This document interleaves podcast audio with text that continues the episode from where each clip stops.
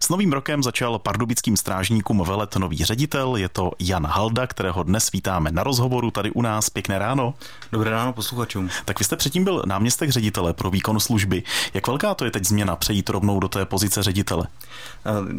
Změna to je poměrně velká, protože ten charakter práce ředitele a náměstka se od sebe dost liší a měl jsem tu možnost čtyři roky panu řediteli trošičku koukat pod, ruky, pod ruce, takže, takže jsem to tak nějak eh, získával v průběhu těch let, ale ten charakter té práce je úplně jiný. Hmm. Vy u městské policie působíte od roku 2011, začínal jste jako řadový strážník na obvodním oddělení. Měl jste někdy tu ambici dospět až do pozice ředitele, nebo jste si říkal, tak budu celý život tím měšťákem v uvozovkách běžným. Jak to u vás bylo? Když člověk trošičku tu práci poznal, poznal uh, ty sladký, hořký stránky, tak jsem tu ambici, že bych se někam, někam vejš mohl dostat měl, ale ta představa byla po, po 20-25 letech služby, ale nějak to uteklo rychleji a měl jsem to velký štěstí, že, že jsem mohl, mohl postupovat sem, kde jsem. Hmm. Běžný strážník pochopitelně plní určité úkoly, které dostává zadané. Říká si třeba v hlavě, dělal bych to jinak, ale nakonec to provede podle toho rozkazu. Odehrává se tam nějaký ten proces v hlavě běžného strážníka? A já bych řekl, že, že přímo při, pro práci strážníka nějaký rozkazy úplně nefungují, protože ta práce je spíš o tom, co na té ulici potká a spíš je samostatná. V podstatě ta rozkazová část, to, co má přiděleno, je, je ten úsek, kterýmu se věnuje, nebo, nebo typově eh, ta speciální náplň práce, kterou dělá třeba butičkáři, ale je to spíš, spíš o tom, že si tu práci hledá sám, než že by, než že by dostal, teď půjdeš tady a budeš dělat tohleto. Mm-hmm. No i strážník, strážník rozhoduje sám jako správní orgán, takže on sám si posoudí, jak moc uh, ten skutek jak moc společensky nebezpečný, jak moc ho ohodnotí, nebo případně jakým způsobem to bude řešit. Takže ta práce je hodně o samostatnosti, než o nějakým plnění rozkazu. Vy jste vystudoval policejní akademii České republiky. My policejní akademii jako lajci známe z filmu. Nevím, jestli úplně máte rád podobné filmy a asi to neodpovídá úplně realitě. tak komedie to je dobrá, ale spíš, spíš podpovídá té realitě americký, protože ty, ten pohled evropský a pohled americký na to právo je hrozně odlišný. Že? Tam, ta, tam ta škola odpovídá tomu našemu strážnickému kurzu, který, který uchazeči absolvují, je měsíční, ale, ale strážníkem se člověk stává opravdu až po letech s těma zkušenostma a s tím, co na té ulici zažije. Váš předchůdce, ředitel městské policie v Pardubicích Rostislav Hýbl, odešel do penze skoro po deseti letech. A když u nás byl tenkrát na rozhovoru před těmi skoro deseti lety, tak říkal, že má dvě pupeční šňůry, jednu kratší s městskou policií a jednu delší se státní policií. Narážel na tu svoji letitou praxi se státní policií. Může to obecně pomoct, když je v městské policii někdo dozná tu práci napřímo, práci státní policie?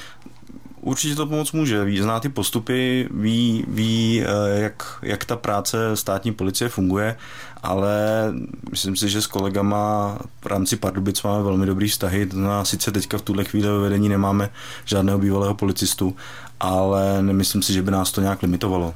Hmm. A když odcházel Rostislav Hýbl, dával vám nějaké rady do života, do toho ředitelského? On si mě trošičku vychoval, takže, takže při tom samotném odchodu už to bylo takový to tak eh, vybrali si tě, eh, vysloužil si to, nebo jakoby prošel s tím výběrovým řízením a víš, jakým to je stavu, že jim to předával, jako to předání proběhlo symbolicky, když to řeknu. Udali hmm. jsme si, udali jsme si ruku, popřál mi štěstí a, a, a jel si užívat volna. Hmm. Tak nepřicházíte zvenku, o tom už jsme tady mluvili, byl jste náměstkem ředitele pro výkon služby, tak asi nemusíme čekat úplně nějakou velkou změnu z pohledu práce městské policie v porovnání s těmi předchozími roky. Asi ne, protože i tím, tím že jsem čtyři roky se tomu té městské policii věnoval z hlediska toho výkonu, tak uh, nějaký větší změny se očekávat nedají. No, přeci jenom u práce městské policie v krajském městě toho moc, moc změnit nejde. Ty požadavky nebo ty nároky toho města, ať už vedení nebo obecně lidí, kteří něm žijou, tak uh, jsou v podstatě stejný a odpovídá to spíš tomu, jak to město je architektonicky, jaký má, jak je zatíženo dopravou, jaký má problém problémy eh, v, tý, v tom veřejném pořádku a v dalších věcech. To znamená jako přijít na takhle velkou městskou policii a říct takhle teďka bude všechno jinak, to nejde. To prostě z mýho pohledu není možný. Můžete se na něco víc zaměřit, ale, ale nebude to mít zas až takový dosah, aby to bylo jako nějaká převratná změna. Tady je Český rozhlas Pardubice a v našem studiu zůstává nový ředitel pardubické městské policie, pan Jan Halda. Ještě jsme nezmínili váš věk, 35? 35. Hmm, takže patříte mezi jedny z nejmladších ředitelů městských policií v České republice. Hraje to nějakou roli ten věk? Já si myslím, že samozřejmě to roli, roli hrát bude, ale, ale jak to říct, člověk na to studoval, žil to, pracoval, pracoval pro tu městskou policii bezmála eh, přes 10 let, teď už to bude 11. rok, takže nějakou roli to určitě hrát bude kolegové z jiných statutárních měst mají určitě víc zkušeností ale já doufám, že ty zkušenosti naberu taky a že budu dobrým ředitelem. A protože váš předchůdce byl ve funkci skoro 10 let, tak o něm často mluvíme i v tomto rozhovoru. Pan Rostislav Hýbl chtěl trochu spopularizovat, když nastupoval do funkce práci městské policie a o toho se určitě odvíjí postupný rozvoj sociálních sítí, které máte hodně úspěšné, vyhlášený Twitter a tak dále. Chcete asi v tomto pokračovat? Určitě to je cesta, kterou, kterou nám pan ředitel vyšlapal a rád bych v ní pokračoval. Trošku, uh, trošku nám do toho nechci říct hází vidle, ale, ale je to složitější v tom, že i ty sociální sítě se poměrně dost vyvíjí a ta mladší generace už přechází na novější, novější platformy a tam je pro nás složitější oslovit, protože přece jen TikTok je, je hlavně o krátkých videích vtipných a jak, jak tu práci prezentovat i pro tu mladší generaci je jeden z největších oříšků, který nás teďka do budoucna čeká. Hmm, asi tam je to, i to úskalí, že ta vaše práce z jednoho pohledu asi nikdy nebude populární, protože většinová populace má představu o práci městské policie, že to jsou ti, co rozdávají ty lístky za špatné parkování. Eh, tu, tu pověst má městská policie dlouhodobě, bych řekl, špatnou a někdy i zbytečně, protože když to vezmu v Pardubicích, tak eh, je naprostá většina řidičů se chová jak má, parkuje na místě, kde má, platí, eh, platí v tom centru města za parkování my v podstatě vyzobáváme, dostáváme se do kontaktu pouze s řidiči, kteří ty pravidla nechtějí respektovat.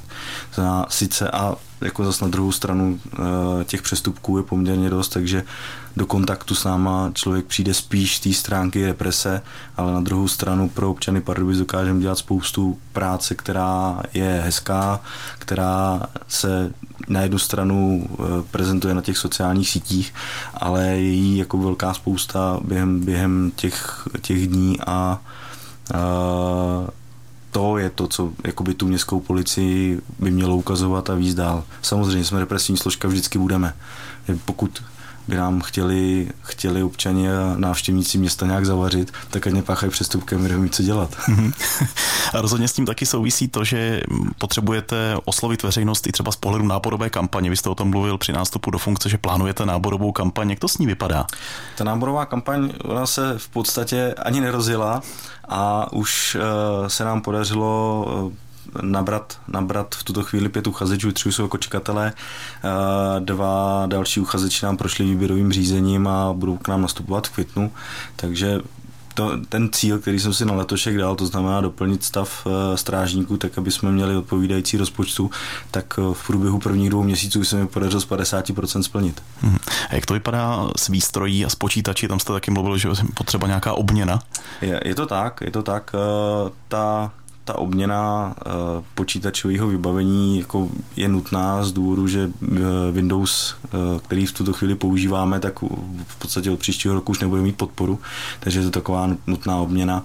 A co se týče, tý, co se týče výstroje, tak trošku pokulháváme za kolegy ze státní policie, ten, ten výkon služby a to co, to, co se nosí, to, co se používá i vzhledem k materiálům a, a k tomu, jak do toho zasáhla pandemie, se prostě posunul dál, takže i v tomhletom, v tomhletom oboru, v této části toho, co městská policie má, se, se snažíme posunout. Tak tolik náš úvodní vstupní velký rozhovor, který jsme dnes vedli s novým ředitelem městské policie Pardubice, panem Janem Haldou. Představili jsme vám ho posluchačům o něco víc. No a budeme rádi, když zase zavítáte někdy na povídání k nám do studia. Když bude příležitost za téma, tak se budu těšit. Mějte se naslyšenou. Naschle. Tento pořad si můžete znovu poslechnout v našem audioarchivu na webu pardubice.rozhlas.cz.